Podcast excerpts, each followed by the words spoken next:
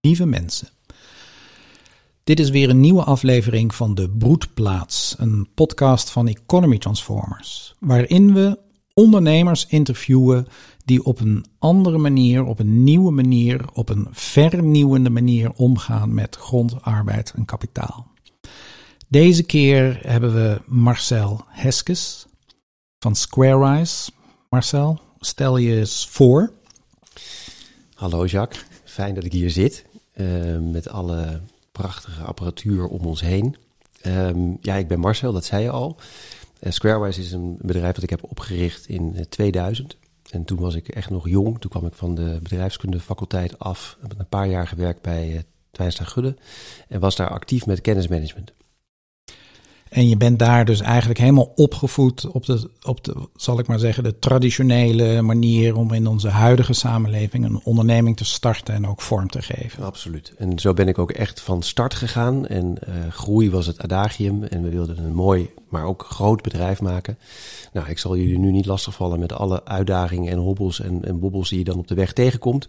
Maar uiteindelijk ben ik uh, via die route wel echt aangekomen waar ik me nu aangekomen voel. Namelijk als voorvechter van het juist loslaten van allerlei groei- en eigendomsaspecten uh, van het ondernemerschap. Ja, ik zou graag die eerste tien jaar, meen ik, uh, over willen slaan. En willen beginnen op het moment dat jij met Leonie, toen mededirecteur en ook je liefde toen, een, eigenlijk een nieuwe start maakte. Kun je die beginsituatie schetsen?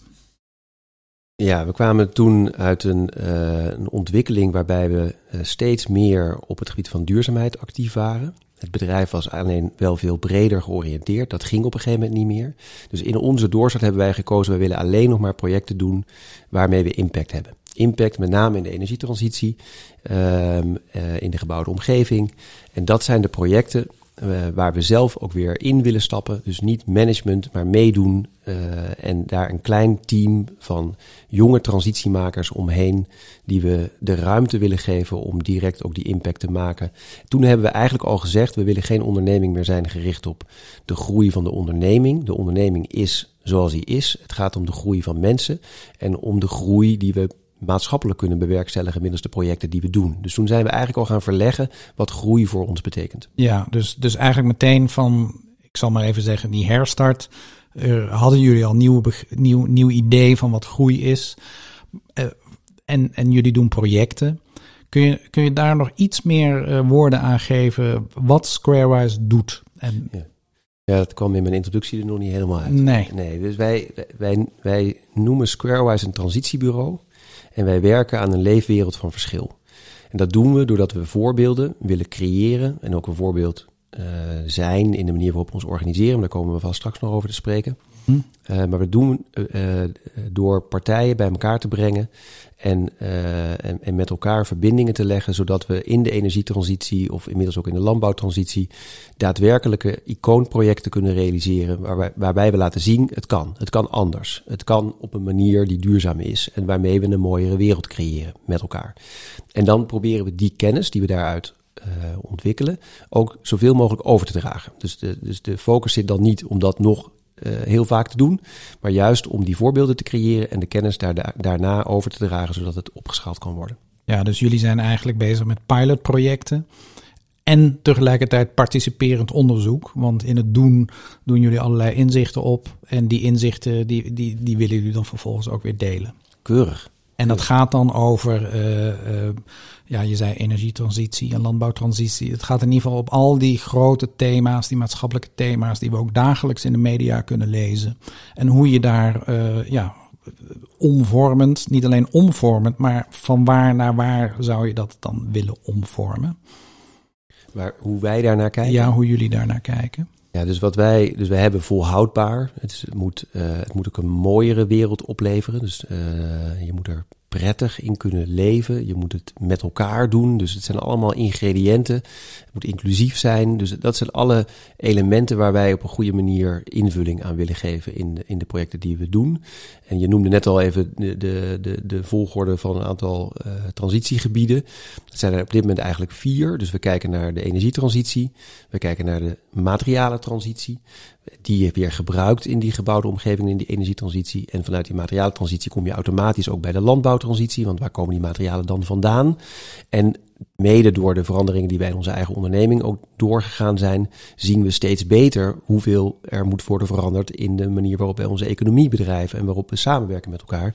En dat is dan weer wat we de waardetransitie noemen. Dus die vier aspecten samen, dat is het werkgebied van Squarewise. Ja, dus echt samenlevingsvernieuwen, economie omvormen. En dan ja, door er gewoon in te gaan. Uh, en opdracht van, je zegt verschillende partijen. Zijn dat allemaal ondernemers? Of zijn het overheden? Of uh, wat voor partijen brengen jullie bij elkaar? We werken veel in het publiek-maatschappelijke domein. Uh, dus overheden zijn vaak onze opdrachtgever. Die, die initiatieven ontplooien om te onderzoeken of het ook anders kan. Die proberen we ook zelf wel op te werpen en, uh, en, en daar partijen bij te vinden die dat willen financieren. Maar daarin werken we dan uiteraard weer vaak samen met een aantal andere maatschappelijke partners. Energietransitie met netwerkbedrijven en met corporaties. Um, en daar, in de materialen is het weer heel erg met ondernemers. Uh, en in de landbouw uiteraard ook. Dus, dus het, het wisselt heel sterk. Uh, maar we werken in zekere zin met het hele, het hele maatschappelijke veld ja. samen. Oké, okay, mooi. En um, als uitgangspunt zou ik je willen laten vertellen wat, hoe, hoe, jullie in eerste instantie waren georganiseerd. Want jullie hadden deze best wel idealistische doelen of, of motieven, hoe je het noemen wilt. En, uh, maar hoe waren jullie georganiseerd toen? Uiteindelijk waren we heel traditioneel georganiseerd in een directie- en medewerkersorganisatie. Dus ja. er waren twee directeuren, Leonie en ik. En de rest was in loondienst van dat bedrijf waar wij directeur van waren. En daarin zat, zat al van begin af aan een vrij platte structuur. Dus het was heel toegankelijk. We probeerden dat met elkaar te doen. Maar in de basis was dat de structuur waarin wij opereerden. Ja. En tegelijkertijd hadden jullie dus, wat je net allemaal noemde, je wilde die uh, projecten ontwikkelen, uh, die transitieprojecten. En ik kan me voorstellen dat dat op een gegeven moment gaat schuren. Een soort spanning tussen wat je eigenlijk maatschappelijk wil, terwijl je zelf nog in zekere zin redelijk traditioneel bent georganiseerd. Klopt dat? En, en wat was eigenlijk het eerste wat je intern ging aanpakken qua, qua organisatie? Nou, er waren een paar uh, aspecten die daarin drijvend waren, denk ik, uh, als ik erop terugkijk. Eén uh, is dat um, omdat wij aan het ondernemen waren op ideële doelstellingen, groei en winst uh, voor ons niet relevant was. Van het begin af aan niet. En dat betekent ook dat je uh, de neiging hebt om dingen wat overzichtelijker te houden. Want waarom zou je heel veel risico nemen op het moment dat je uiteindelijk niet heel veel baat hebt bij wat die risico's aan return kunnen opleveren? Mm -hmm. Dus dat betekende dat wij eigenlijk een beetje rond die tien personen bleven hangen. Uh, terwijl de mensen binnen Squarewise en wij ook uh, heel impact gedreven waren. En zoiets hadden, als we nou iets groter worden, dan kunnen we meer doen. Dus we ja. willen eigenlijk meer doen. Jullie hadden tien medewerkers? Of? Om en nabij. Dus ja. in die eerste fase waren we ongeveer met z'n, met z'n tienen. Inclusief jullie? Inclusief ons. En de, um, dus, dus toen kwam er eigenlijk vanuit de organisatie een, een wens om wat te groeien. En dat was voor, voor Leonie en voor mij in elk geval al een eerste aanleiding om na te denken: oké, okay, maar hoe gaan we dan die groei uh, begeleiden. En groeien qua organisatie, groeien qua, of groeien organisatie. qua omzet en... Uh... Ja, nou ja, als je in, in onze sector, in de adviessector, groeit qua organisatie en je hebt een, een beetje fatsoenlijke bedrijfsvoering, dan groei je automatisch ook in omzet. Ja. En dus uiteindelijk ook in winst. En dat is eigenlijk niet wat wij zochten. Hm. Um, en toen, toen zijn we eigenlijk voor het eerst gaan nadenken over, ja, maar als we dat niet willen, als we dat als ondernemer niet uh, nastreven, terwijl we wel als ondernemer de creativiteit en de creatiedrang hebben. Um, hoe gaan we dat dan organiseren? Dus dat was denk ik de, het eerste wat er, uh, wat er gebeurde. Um, en, um, en toen zijn we twee dingen gaan onderzoeken. Eén is, uh, kunnen we de medewerkers mede-eigenaar maken via bijvoorbeeld een corporatie of een, uh, een. Um, en we hebben ons toen ingeschreven in het register voor sociale ondernemingen, omdat we in elk geval wilden borgen dat we die maatschappelijke doelstelling hadden en dat we als eigenaren uh, ondergeschikt werden aan de, uh, aan de impactdoelen die, die we hadden. Dus, dus dat is eigenlijk de eerste stap ja, dus, zijn gaan zetten. Dus vanuit de, de, de wens om meer horizontaal te gaan organiseren, de, de medewerkers waar jullie in zekere zin in een hiërarchische verhouding toe stonden, naast je te zetten of een kring te vormen met z'n allen. Uh, ja, dat, dat wil, wil jullie eigenlijk al meteen in organisatorisch, ook in eigendomsverhoudingen tot uitdrukking brengen. Ja, die stap kwam er eigenlijk uh, snel achter, achteraan. Dus, uh, dus die eerste stap waren wij nog niet zo op de hoogte van horizontaal organiseren, hoe dat nou precies komt. We hadden die drijfveer. Mm -hmm. Maar omdat het inrichten van een coöperatie niet kon, omdat de onderneming daar te klein voor was en uh, problemen voor ondernemerschap van alle medewerkers. Nou, ik zal er niet over uitweiden. Liep dat eigenlijk uh, dat spoor dood. En toen zijn we gaan zoeken van, ja, maar wat, wat kunnen we dan wel? En toen kwamen we eigenlijk uh, via Frederik Laloux met zijn boek Reinventing Organizations uh, en via Johannes Regelink, die met regelingadvies dit soort stappen had gezet. Toen kwamen we in aanraking met uh, de mogelijkheden van horizontaal organiseren en het uiteindelijk ook uh, steward-owned of loslaten, steward-owned maken of loslaten van de onderneming. Dus en, en toen zijn we daar echt heel concreet mee aan de slag gegaan. Ja, en dat horizontaal organiseren, die medewerkers, wilden ze dat ook? Hadden ze daar oren naar? Of hoe werkte dat? Waar, van waar kwam eigenlijk die behoefte uit? Een heleboel vragen tegelijkertijd. Ja. Waar zat de impuls? Zat die echt bij jullie? Of voelde je vanuit het geheel dat aan?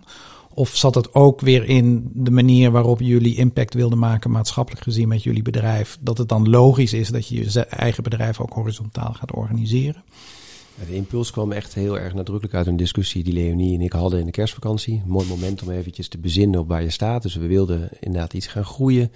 Um, en hoe we waren dat ook al aan het doen en hoe gingen we dat dan verder vormgeven? Wij hadden heel sterk het gevoel dat een directiestructuur, een besluitvormingsstructuur top-down gewoon niet past bij het type werk dat wij doen. Hm. En, uh, en bij de vraagstukken waar we, waar we ons uh, druk over maken.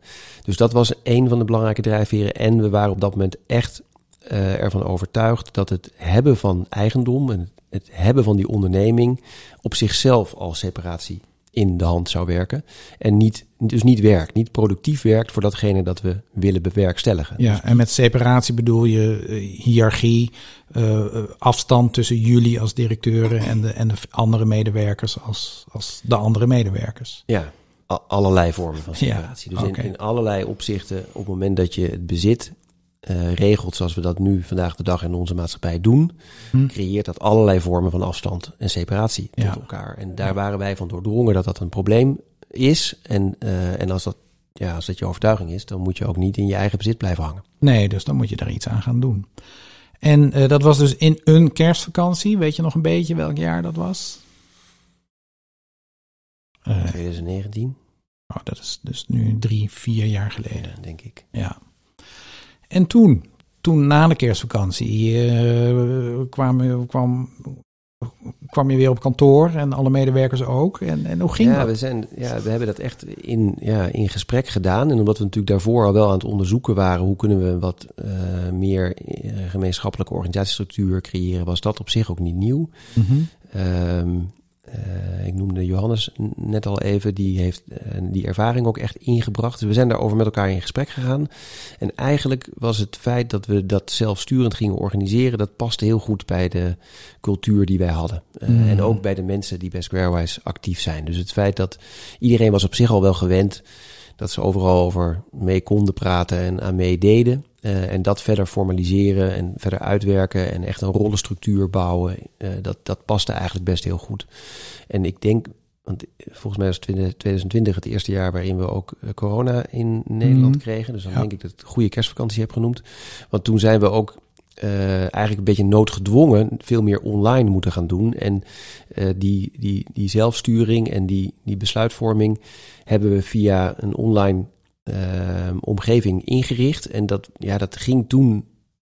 Ja, dat, werd, ja, dat klinkt misschien een beetje gek, maar we werden bijna geholpen door de situatie destijds, omdat er veel meer online gewerkt moest worden. Dus dat ging eigenlijk heel natuurlijk. Er zijn ook, ja, er is één iemand uh, weggegaan in die tijd, die, die dat toch niet een hele passende uh, werkwijze uh, vond. Mm -hmm. Maar verder is het team eigenlijk heel smooth door die transitie gegaan. Organisch hebben ze dat, hebben ze zich, hebben ze meebewogen. Ja. En uh, ja, dus besluitvormingsprocessen veranderen dan. En kun je daar, ja, wat, kun je daar een voorbeeld van geven van eerst en daarna? Hè? Net als, als die foto's van mensen die eerst heel dik zijn en dan iets doen en dan keurig slank zijn. Kan je ook een beeld schetsen van hoe het voor die, die verandering was en daarna de besluitvorming. Ja, een van de anekdotes die ik destijds in het begin wel eens een keer uh, voor mijn voeten geworpen kreeg, is dat ik vroeger ook kon besluiten door niet te besluiten. Dus, uh, dus als ik het gewoon niet prioriteerde, als wij het niet prioriteerden, dan namen we er geen besluit over en er gebeurde er dus niks. Hmm. En dat kon nu niet meer, want mensen nemen gewoon een besluit. En Ja. in onze besluitvormingsstructuur kan iedereen een besluit nemen. We hebben wel rollen waarin je ook verwacht wordt bepaalde besluiten te nemen, maar in principe kan iedereen in gelijkwaardigheid besluiten nemen. En die zet je dan neer, eh, leg je voor. En dan, dan, eh, en dan is er een bepaalde periode dat iemand daar nog een principieel bezwaar tegen kan maken. Maar daarna is het besluit gewoon genomen. Dus niets doen was in elk geval geen manier meer waarop ik eh, de besluitvorming kon beïnvloeden. En ehm, ja, dus eigenlijk iedereen mocht, eh, als hij een project had of, of als je samen aan een project werkte, kon je daar zelfstandig besluiten in nemen. Die, en die, die, die, die, deelde je dan als een soort mededeling. En dan, kon je, en dan konden anderen daar eventueel nog op een aanmerking of toevoegingen of vragen bij stellen. In principe hebben we eigenlijk wel altijd een perspectieffase. Dus een fase waarin je een voorgenomen besluit neerlegt en perspectieven ophaalt van anderen. En daarna formuleer je op basis van die perspectieven je definitieve besluit. En dat publiceer je op een besluitvormingskanaal. Hm. Dat heet dan ook echt besluit, dubbele punt en dan komt er iets. Ja, En dan, ehm, ja, dan kunnen mensen natuurlijk lezen wat je met de perspectieven hebt gedaan die ze hebben ingebracht. En dan is, het een, een, is ons model zo ingericht dat je, als je het er niet mee eens bent, dan, eh, dan is dat misschien jammer. Eh, maar op het moment dat je er echt niet mee kunt leven, als je echt het gevoel hebt, dit gaat mijn ehm, werkzaamheden binnen deze organisatie zodanig beïnvloeden dat ik eigenlijk niet meer door kan, dan kun je daar een principieel bezwaar op uitspreken. En dan ga je meedoen in de besluitvorming. eh, en ga je met de persoon die het besluit genomen heeft kijken of er toch nog een alternatief te bedenken is. Eigenlijk word je dan mede ja je wordt dan mede-eigenaar van het vraagstuk ja. Wat, wat op dat moment leeft. Ja, en dat die gebeurt situatie. overigens vrij weinig bij ons. Ja. Dus, eh, dus, dus eh, meestal gaat die perspectieffase eh, gewoon heel goed. En, en nemen mensen nog steeds wel besluiten die zeker niet in overeenstemming zijn met alle perspectieven, maar die dan wel zodanig ja, onderbouwd en meegenomen zijn dat we, dat, dat we ermee kunnen leven. Ja, en iedereen beweegt in principe als er een besluit is genomen mee met de nieuwe situatie. Want Ja, door middel van besluiten creëer je nieuwe realiteiten. ja. Nee, dus dat is wat, wat we dan met z'n allen doen. En Ja. dat, eh, dat, soms voelt dat heel fijn. En soms denk je, oh oké, Ja. doen we dat nu kennelijk op deze manier. En eh, dus dat is nu 2020, 2021, 2022. Heb je al drie jaar kunnen oefenen. Ja, we zijn lekker bezig. Hoe, eh, hoe heeft dat zich ontwikkeld? Nou, wat, wat wel interessant is, is dat we in het begin, en dat horen we ook wel vaak, ga je dan niet veel meer vergaderen en veel meer afstemmen. Ik denk dat het in het begin al minder tijd en energie kostte dan toen wij met z'n tweeën alle besluiten moesten nemen. Want toen kwam ook iedereen bij ons en dan duurde het lang en dan werd je daar ook een beetje eh, zo nu en dan wat gedemotiveerd door. Dus Mhm. nu is iedereen eigenaar van haar of zijn eigen besluit. En, ehm, en dat geeft alvast een bepaalde eh, vorm van eigenaarschap en voortgang. Ehm, maar de kantooroverleggen die wij hadden en hebben, waarin ook alle besluiten naar voren komen, die waren in het begin misschien best wel wat uitgebreid en die worden nu ook steeds compacter. Dus uiteindelijk begint die structuur steeds makkelijker te passen. En zie je dat we er, wat mij betreft, zelfs nu snelheid eh, mee kunnen maken. Ja, iedereen neemt ook besluiten. Ik, in andere situaties weet ik dat mensen het soms ook eng vinden om besluiten te nemen, omdat ze bang zijn dat, dat er te veel kritiek komt of dat, dat anderen het niet goed kunnen keuren. Of die ruimte innemen om zelf besluiten te nemen, dat, dat is ook nog een proces bij eh, individuele mensen. Heb je, heb je daar iets van gemerkt of wat, wat doe je daaraan? Ja, dat, dat, dat merken we zeker. Wij hebben best veel ervaringsleeftijdsverschillen in onze organisatie. Dus dat betekent dat uh, mensen die net binnenkomen vast wel een beetje de kat uit de boom kijken. Hm. Maar ik merk wel dat uh, ook mensen die in het begin niet echt participeerden in de besluitvormingsstructuren, dat uiteindelijk toch wel gaan doen. Uh, of in elk geval gaan doen op de thema's die ze zelf echt belangrijk vinden. Ja, dat is een heel dat, dat is een heel dynamisch geheel, zou ik willen zeggen. Dus de, de, de, ik geloof niet dat iemand het gevoel heeft, maar dat uh, moet ik nog een keer checken misschien, uh, helemaal niet mee te kunnen doen. Ja. En, maar dat betekent niet dat iedereen even actief meedoet. Nee, dus en, en je, je hebt er tijd om, om daarin te groeien. En, en naarmate je meer verantwoordelijkheden ook neemt, ook durft te nemen, ja, gaat het natuurlijk. eh, en ik neem ook aan dat jullie elkaar stimuleren of vragen stellen en, eh, en dat soort dingen. Ja, nee, het scherpt enorm. En, eh, Hm. en dat zijn eh, zaken over hoe gaan we om met, eh, met beloning intern. Nou, waar we straks vast nog over te spreken zullen komen, is hoe gaan we om met eventuele winsten die we maken.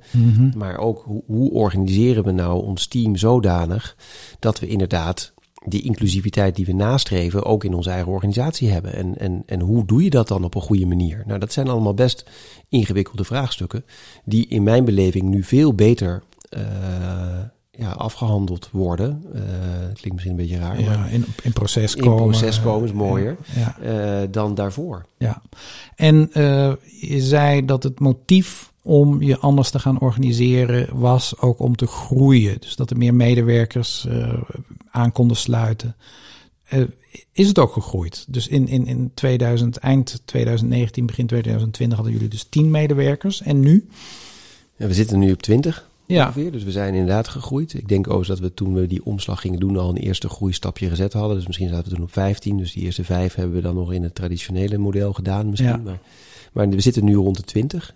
Ehm, En, en die twintig, eh, die, die kunnen zich invoegen. Die kunnen hun ruimte innemen. Daar is ook, eh, hoe gaat dat? ja, en, eh, en je ziet dus ook Vooral de nieuwe dan, hè? Ja, ja dan zouden we in de podcast misschien ook iemand moeten uitnodigen die net nieuw binnen is gekomen. Maar Oh, ja.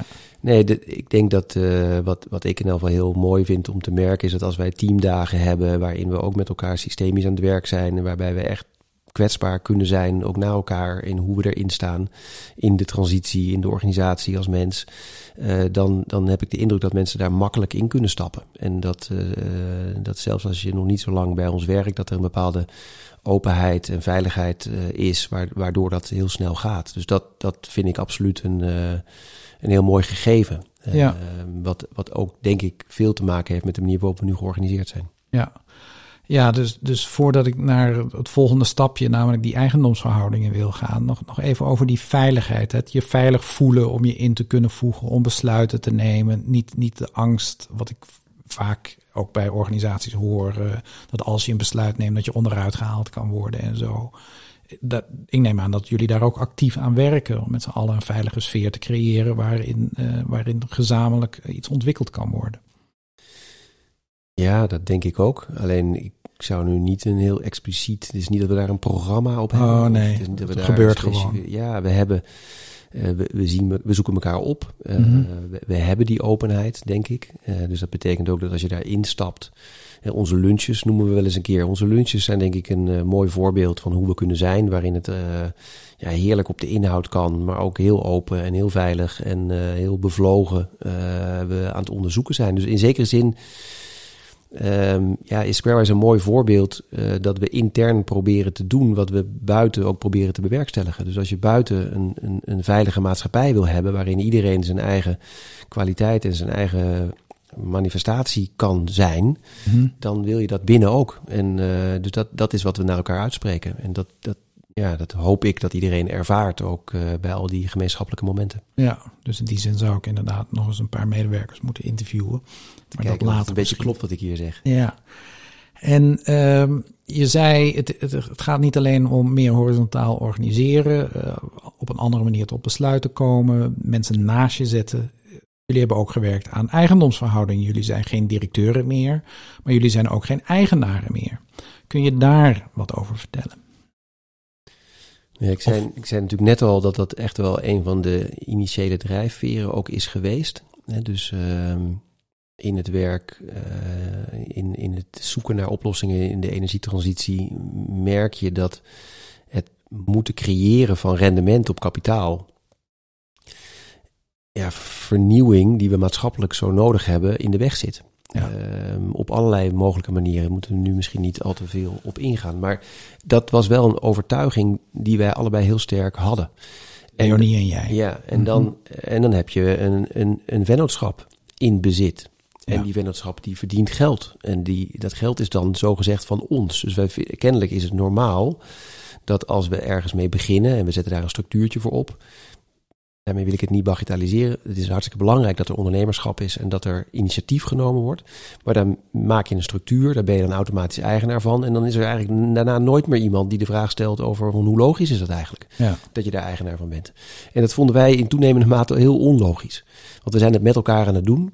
En bovendien, wat ik net ook al zei, het, het hebben van al dat geld en het, en het in bezit nemen daarvan, van die onderneming, creëert ook nog eens een keer afstand. Wat eigenlijk gewoon in de samenwerking niet productief is. Dus ja, als je tot die conclusie komt, dan moet je misschien eens proberen om dat gewoon los te laten. En dat hebben we toen, dus toen we in dat zelfsturende proces gingen, toen ehm, was dat uiteindelijk een evidentie. Als je dan echt zelfsturend wordt en je houdt het eigendom in bezit, dan gaat het helemaal knellen.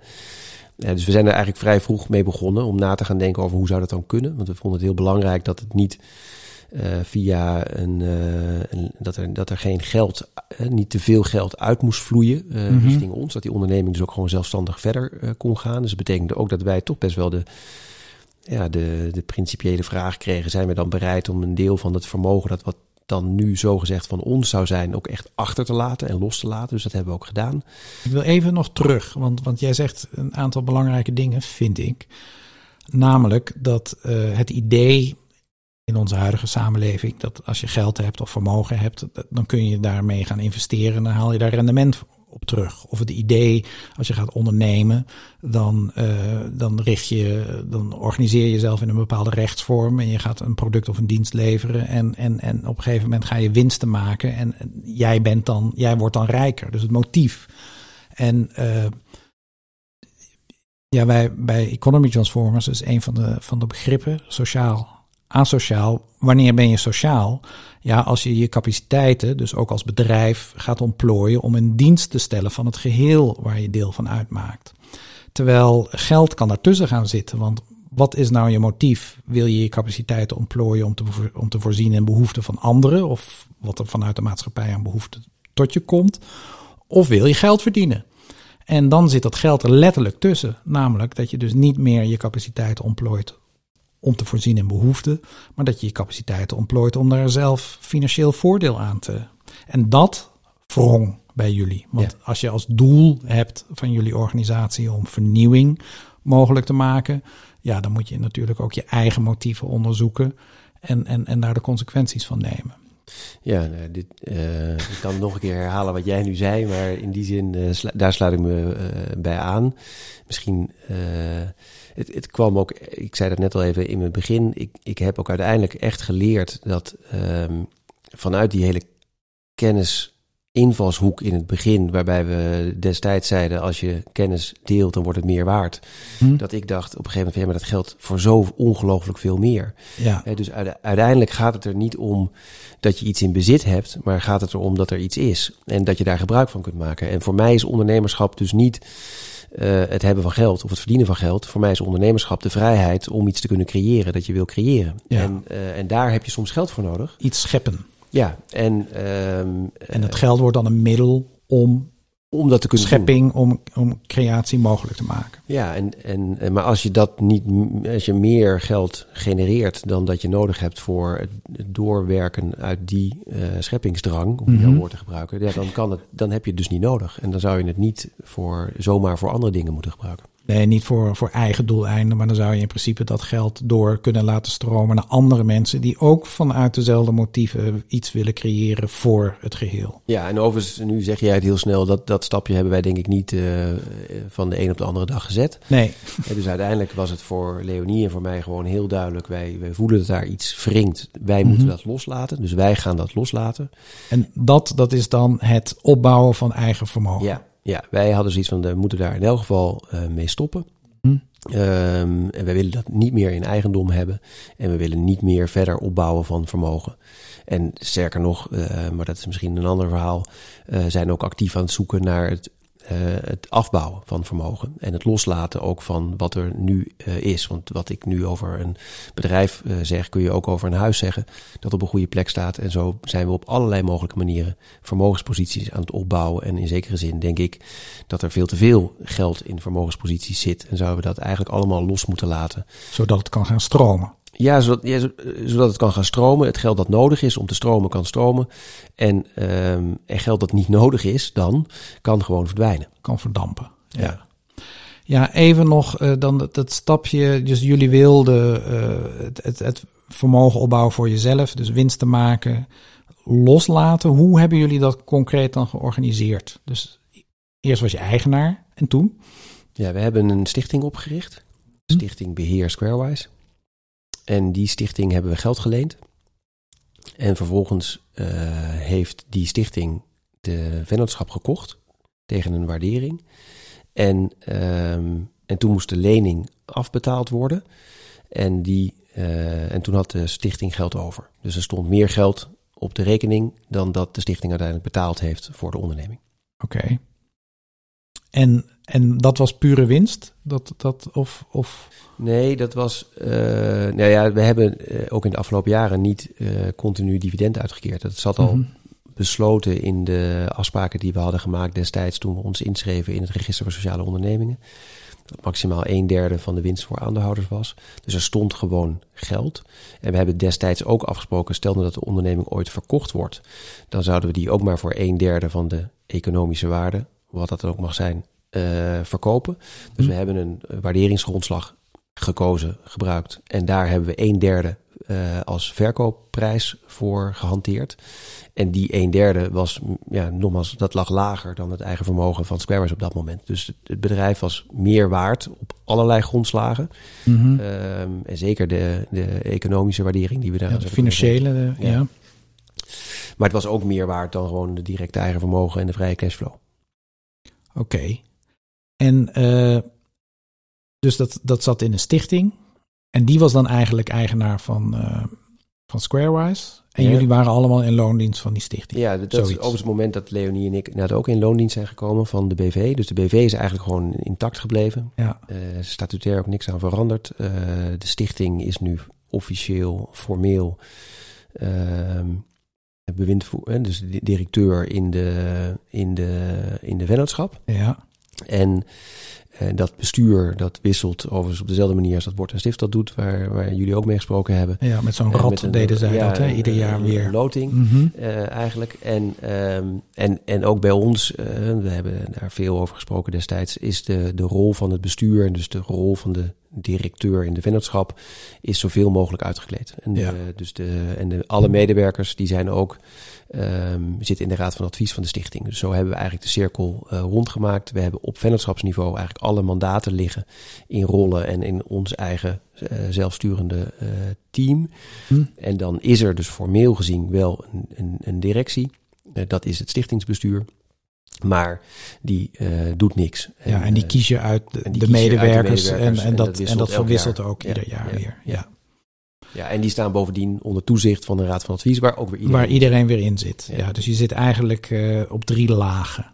Je zit, je, je, zit op de vloer, op de werkvloer ben je een cirkel of een kring die gewoon het werk doet. Ja. En, en in horizontaal georganiseerd alle besluiten neemt en alle, alles uitvoert. Daarboven zit dan een, uh, ja, daarboven of daaronder, dienend, zit een stichting waarin uh, die dan officieel eigenaar is. En om de havenklap hebben jullie uh, een nieuw bestuurswisselingetje. Mm -hmm.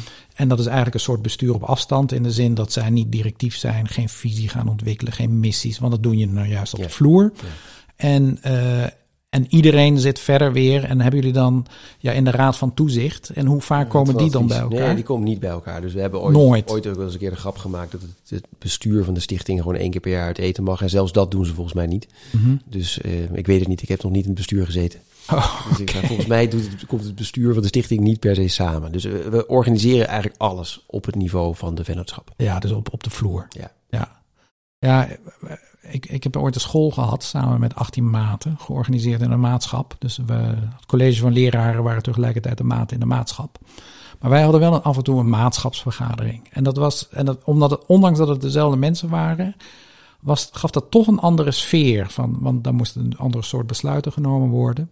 En uh, dus ik kan me voorstellen dat als je één keer per jaar als raad van toezicht, in jullie geval, op de hei gaat zitten om eens een weekend weet ik veel wat te doen. Toe te kijken, wat hebben we nou gedaan en wat willen we gaan doen. Dat dat, dat, dat een hele ander gevoel oproept dan als je op de werkvloer eh, met de projecten bezig bent en wie gaat wat doen. En er komt weer een nieuwe vraag binnen en we hebben weer iets afgerond. En dat is meer of minder succesvol gelukt. Ja, maar in zekere zin doen, doen we dit overleg ook op vennootschapsniveau. Dus daar hebben we natuurlijk gewoon onze projecten. Maar we hebben ook elke maand een overleg waarin we gewoon naar de organisatie als geheel kijken. Oh ja. En eigenlijk elke twee weken uh, nog een keer een kort overleg. Maar elke maand zitten we lang bij elkaar. En dan kijken we ook echt naar hoe gaat het met de organisatie. En, Ja. en moeten we daar op organisatieniveau nog iets aan doen. En dan zit je dus eigenlijk dan als raad van toezicht zit je dan samen. Ja, maar dat zitten we niet. Dus, Nee. we zitten, dus uiteindelijk hebben wij nogmaals die stichting, die is echt no- nodig geweest om deze structuur ergens in op te hangen. Dus Hm. als je iets wil loslaten, dan moet er iemand zijn die iets oppakt. Ja, En dat is de stichting. Eh, Maar verder, nogmaals, doen wij eigenlijk alles op het niveau van de organisatie. ja, oké. Helder. Nu vloeien de winsten of het geld naar die stichting toe. En vanuit die stichting worden jullie inkomens betaald. Is er winst? En zo ja, wat doen jullie daar dan mee? Ja, dat is een. eh, op zich ehm, worden onze salarissen betaald vanuit de vennootschap, dus Mhm. niet vanuit de stichting. Dus de stichting is echt alleen maar een eh, houder van de aandelen en eh, dus beheer. Hm.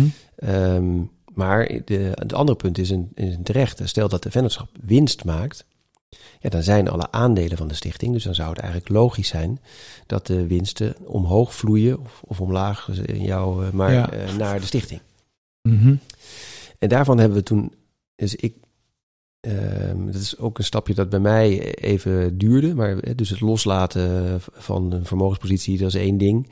En toen dacht, dacht ik daarna van ja, eigenlijk is er helemaal geen reden om dat dan vervolgens weer binnen deze groep te houden. Dus waarom zouden, dus vroeger hadden wij het met z'n tweetjes, nu zitten we dan met z'n twintigen, maar eigenlijk is het helemaal niet voor de hand liggend om dan de winst. En we hadden altijd al wel het gevoel dat we de winst deels maatschappelijk wilden bestemmen. Dus nogmaals, de vennootschap heeft dezelfde, ehm, eh, dezelfde principes aangehouden als destijds van, vanuit de code. Dus een derde zou dan voor de aandeelhouder zijn.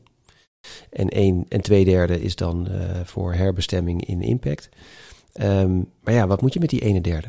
Eh, dus dat is, de stichting is daar helemaal niet op ingericht. En gaat de stichting dan dat ook weer? eh, gaan we, dus, dus, dus daar kwam ik eigenlijk pas later over na te denken. En, ehm, en, en toen ja, ontstond steeds meer het idee van ja, eigenlijk zou geld inderdaad vrij moeten stromen. Dus ben een beetje op zoek gegaan naar welke metaforen, maar ook met jullie veel over gesproken in Met, die met periode. economy transformers. Ja. Mhm. Dus dus hoe, hoe zou je nou eigenlijk op een andere manier naar het stromen van kapitaal kunnen gaan kijken? En ja, als, als het een, een soort van energie is, we zijn per slot van rekening in de energiesector actief. Mhm. Ehm, waarom zou je die energie dan ergens vasthouden? Dus Ja. laat hem gewoon stromen. Als je het vertrouwen hebt dat het weer ergens vandaan kan komen als je het nodig hebt, waarom zou je het dan vasthouden? Ja, dus en dan gaat het nu over, eh, jullie wilden niet meer met z'n tweeën bepalen waar de winst naartoe gaat. Jullie wilden ook niet meer met, met het hele team eh, bepalen waar de winst naartoe gaat. Maar jullie willen, en in dat, pro, in, in dat proces zitten jullie nog, hè, van hoe je dat precies gaat voornemen. Ja, we hebben, nu eigenlijk één, we hebben nu eigenlijk één stap daarin gezet. En dat is dat we in elk geval de principiële uitspraak hebben gedaan dat we het niet meer van ons vinden. Ja, Dus dat, dat, en dat maakt al een heel groot verschil. Dus als je jezelf je winst toe-eigent, Mhm. dan kun je daar dus verschillende dingen mee doen. Dus dan zou je ook in een discussie kunnen komen over eh, extra uitkeringen aan medewerkers. Je zou ook kunnen na gaan denken over wat vinden we eigenlijk leuk om te hebben. En gaan we dat er dan eh, van kopen. Maar ook meer bedrijfsmatig gericht eh, kun je soms investeren in een hobby die eigenlijk helemaal niet gewenst is maatschappelijk. Nou, waarom zouden we dat dan doen? En Ja. als het maatschappelijk gewenst is, dan gaan we er toch in investeren. Want dan is het maatschappelijk gewenst. En dan Mhm. komt dat vanuit al die ondernemingen die hun kapitaal niet meer vasthouden, komt dat vanzelf goed. Dus laten wij daar dan in een voorbeeld zijn.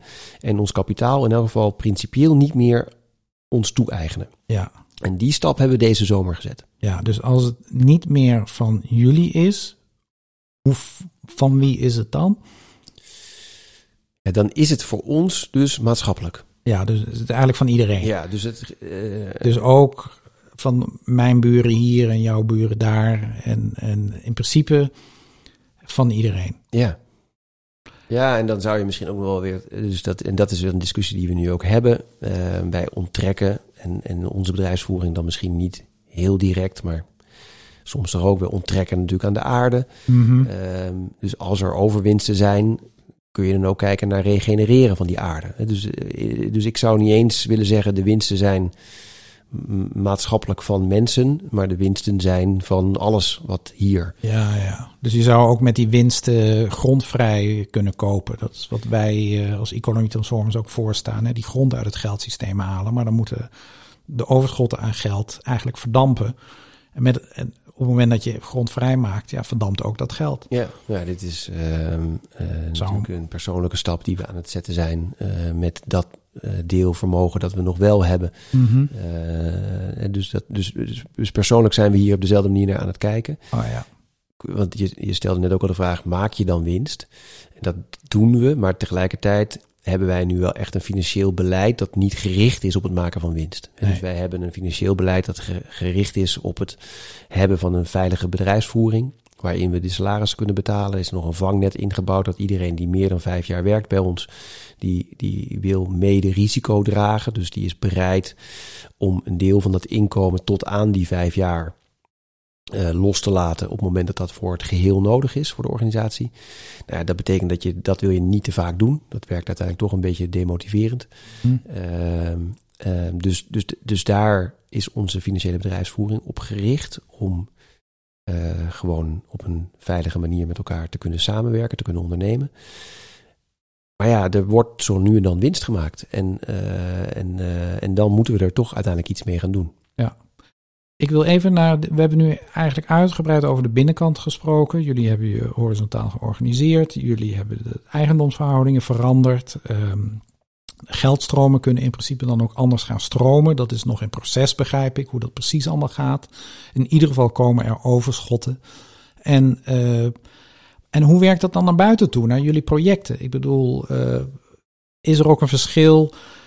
Is er bijvoorbeeld nu een project waar je al drie jaar mee bezig bent, die, die, waar, waar, waar je drie jaar geleden bij wijze van spreken anders in stond dan nu? En, en doordat je dat, uh, ja, dit proces uh, bij jezelf intern meemaakt, dat je dan ook weer naar buiten toe daar weer nieuwe dingen ziet of nieuwe adviezen geeft of op een nieuwe voorbeelden. Ja, Gewoon ja. hoe die wisselwerking nee, plaatsvindt. Het is, het is op, uh, op heel veel aspecten is het enorm bevrijdend. Dus voor mij persoonlijk, in de, de rol waarin ik uh, werk, en, en is het een, een, een hele verandering.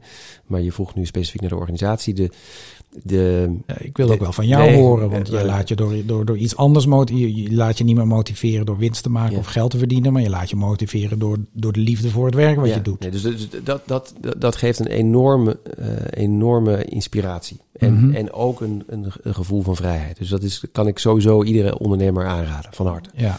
Uh, en inderdaad, het gevoel van separatie is ook weg. Dus je bent gewoon deel van een geheel. Deel van een geheel. Ja. ja. Dus dat is, dat is fantastisch. In elk mm -hmm. geval op persoonlijk niveau. Maar in de discussies die wij hebben binnen onze projecten, werkt het ook ongelooflijk. En ook in de manier van onze advies. Dus eigenlijk allebei die aspecten. Dus één, ik merk gewoon dat het gesprek dat je hebt met je opdrachtgevers over wat heb ik nodig. Hè, dus wat heb ik nou nodig om deze diensten te kunnen leveren, om deze bijdrage te kunnen leveren, om deze stappen te kunnen zetten, is een totaal ander gesprek als men weet dat er geen eigendom meer is. Dat er geen. Hè, dus onze salarissen staan ook vast, die zijn allemaal. Uh, dus die zijn allemaal transparant en inzichtelijk. Dus het is uiteindelijk heel helder wat er met dat geld gebeurt. En, en nogmaals, zeker met die laatste stap, als het dus wel een overwinst ontstaat, dan wordt het weer terug maatschappelijk. Dat geeft een hele andere manier van praten over condities om je werk te doen. Dus daar merk je het heel nadrukkelijk. En ja, er zijn merk... geen verborgen agendapunten meer. Nee. Er zijn geen belangen die ook nee. nog gediend moeten worden. Nee. Je kunt gewoon vrij eigenlijk ja, en, je verbinden met je opdrachtgever. En, dat betekent dus dat, dat als wij zeggen wij hebben uh, deze condities nodig, dan weten ze, dan hebben die ook echt nodig. Ja. En er zit daar niet meer iets achter. Dus dat, dat is een wereld van verschil. Maar ik merk ook dat het enorm inspirerend werkt op hoe wij naar onze projecten kijken. Dus als we kijken naar de energiesector, of naar de landbouwtransitie. En je, en je ziet naar hoe daar het geld en hoe we met het geld omgaan in onze maatschappij en economie.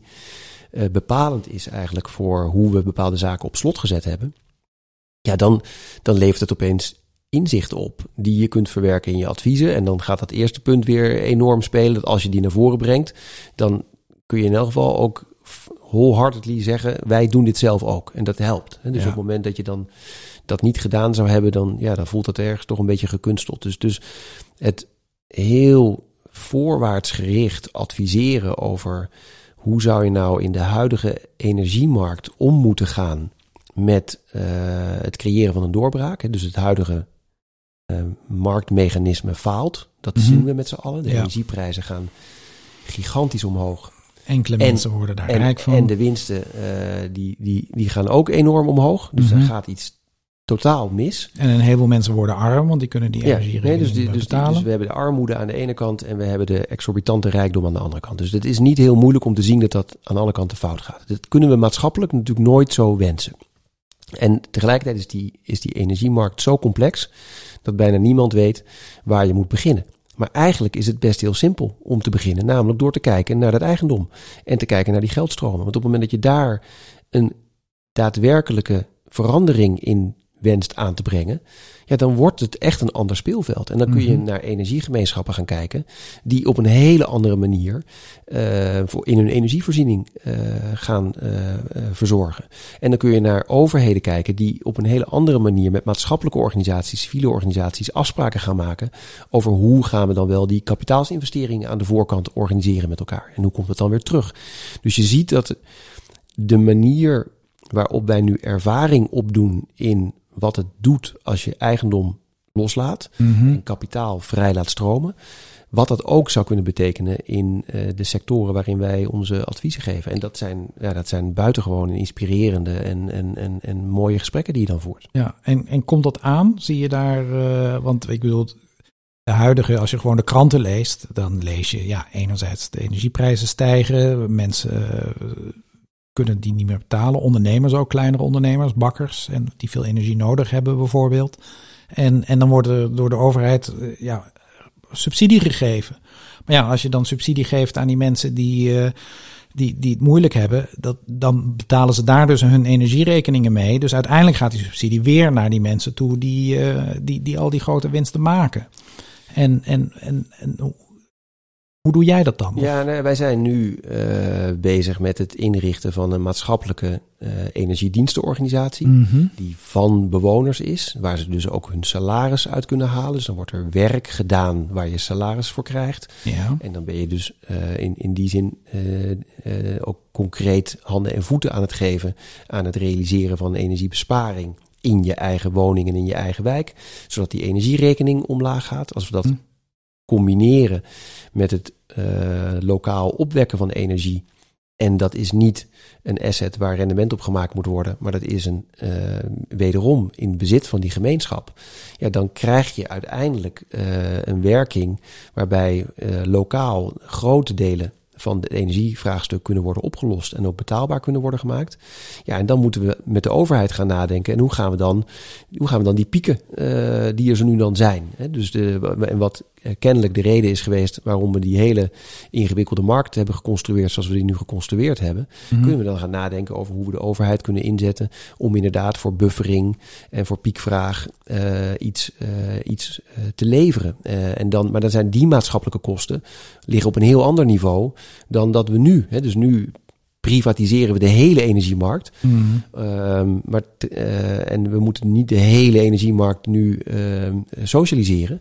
Maar we moeten een tussenvorm vinden waarin we bepaalde zaken socialiseren en andere zaken op een, uh, zoals wij dat nu ook georganiseerd hebben, op een kapitaalvrije manier in de maatschappij gaan organiseren. Ja, want uiteindelijk, zoals alle markten, energie, er is een behoefte aan energie en, en, en, en, en er moet capaciteit aan energie ontwikkeld worden. En dat moet op elkaar afgestemd worden. Ja, er is uh, daar enorm is veel ruimte voor ondernemerschap ja, in die markt. En daar is in zekere zin nog geen geld voor nodig. In de zin van, ja, er moet in die behoefte worden voorzien door capaciteit te ontplooien. En hoe stem je dat op elkaar af? Ja.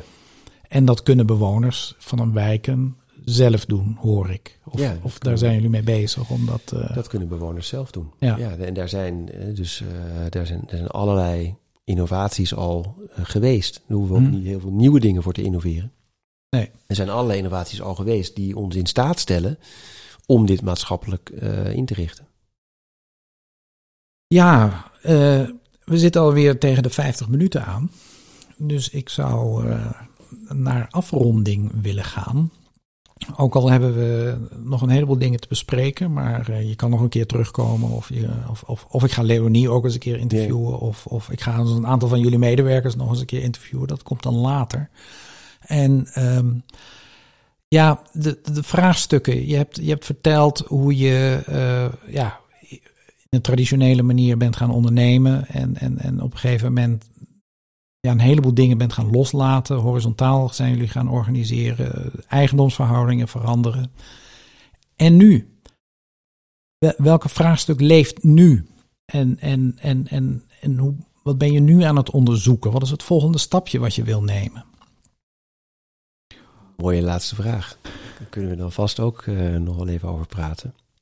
Um, hoe zal ik dat proberen samen te vatten? Dus kijk, uiteindelijk, en ik neem aan dat, jullie luisteraars ook wel zo nu en dan uh, jullie gedachtegoed vrij gelijk samen uh, tot zich nemen. Dus ik ga er maar even vanuit, voor de goede orde, dat dat bekend is. En anders dan is er een prachtig mooi boek deze afgelopen weken uitgekomen. Um, vanuit dat gedachtegoed, hm. waarin we um, vrij zijn om te manifesteren, om te ondernemen, om te zijn. Ja, om als individu jezelf te ontplooien. Ja. En vanuit een gemeenschappelijk uh, wereldbeeld. Ja. Um, dan is, is mijn stap inderdaad nu, hè, we, we, hebben daar onze eigen stappen in gezet en wat komt daar nog meer bij kijken?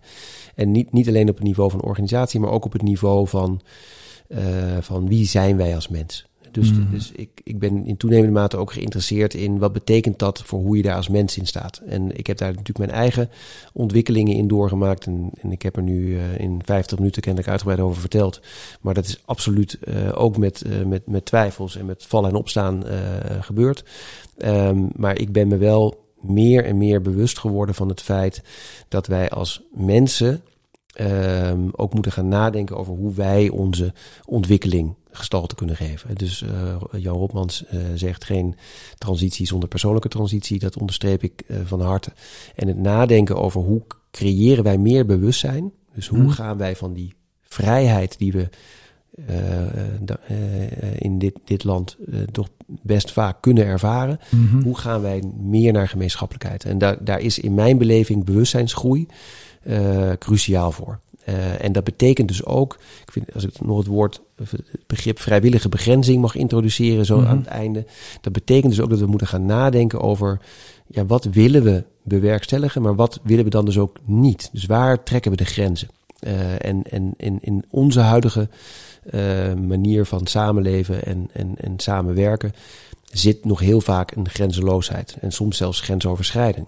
Mm. En, uh, en ik ben in toenemende mate geïnteresseerd om daar ook de vinger achter uh, te krijgen van hoe creëren we nou een dusdanige manier bewustzijnsgroei dat dit, deze manier van ondernemen eigenlijk steeds natuurlijker wordt. Ja, ja. ja ik zeg altijd in mijn eerste lessen dat uh, alle grote maatschappelijke vraagstukken worden uiteindelijk veroorzaakt doordat de mens zichzelf te oppervlakkig begrijpt. Dus een verdieping uh, in jezelf, om, van wat, wat het betekent om mens te zijn. Dus eigenlijk een verdieping van het begrip van jezelf in de werkelijkheid. En hoe je denkend en handelend die werkelijkheid ook mede vorm geeft. Dat lost pas de, de, de vraagstukken echt op. En, uh, en als je te oppervlakkig blijft denken, dan blijft het knippen en plakken. Dan, uh, maar daar ben je dus mee daar bezig. Ben ik dus mee bezig. Ja, ja, Met, met, met een dieper begrip van jezelf en de werkelijkheid uh, ja. te ontwikkelen. Meer bewustzijn. En doe je dat alleen voor jezelf? Of uh, doe je dat ook in de organisatie? Uh, doe je daar dingen aan?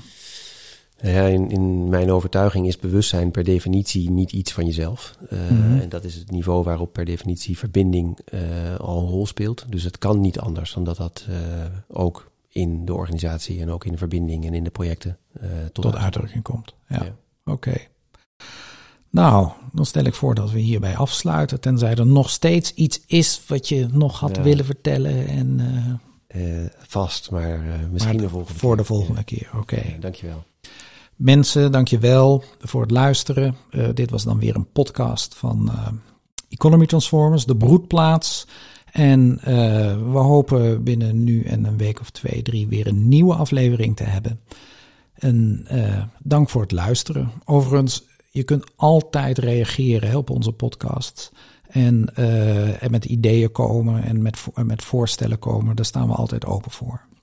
Voor nu, dank je wel en tot later.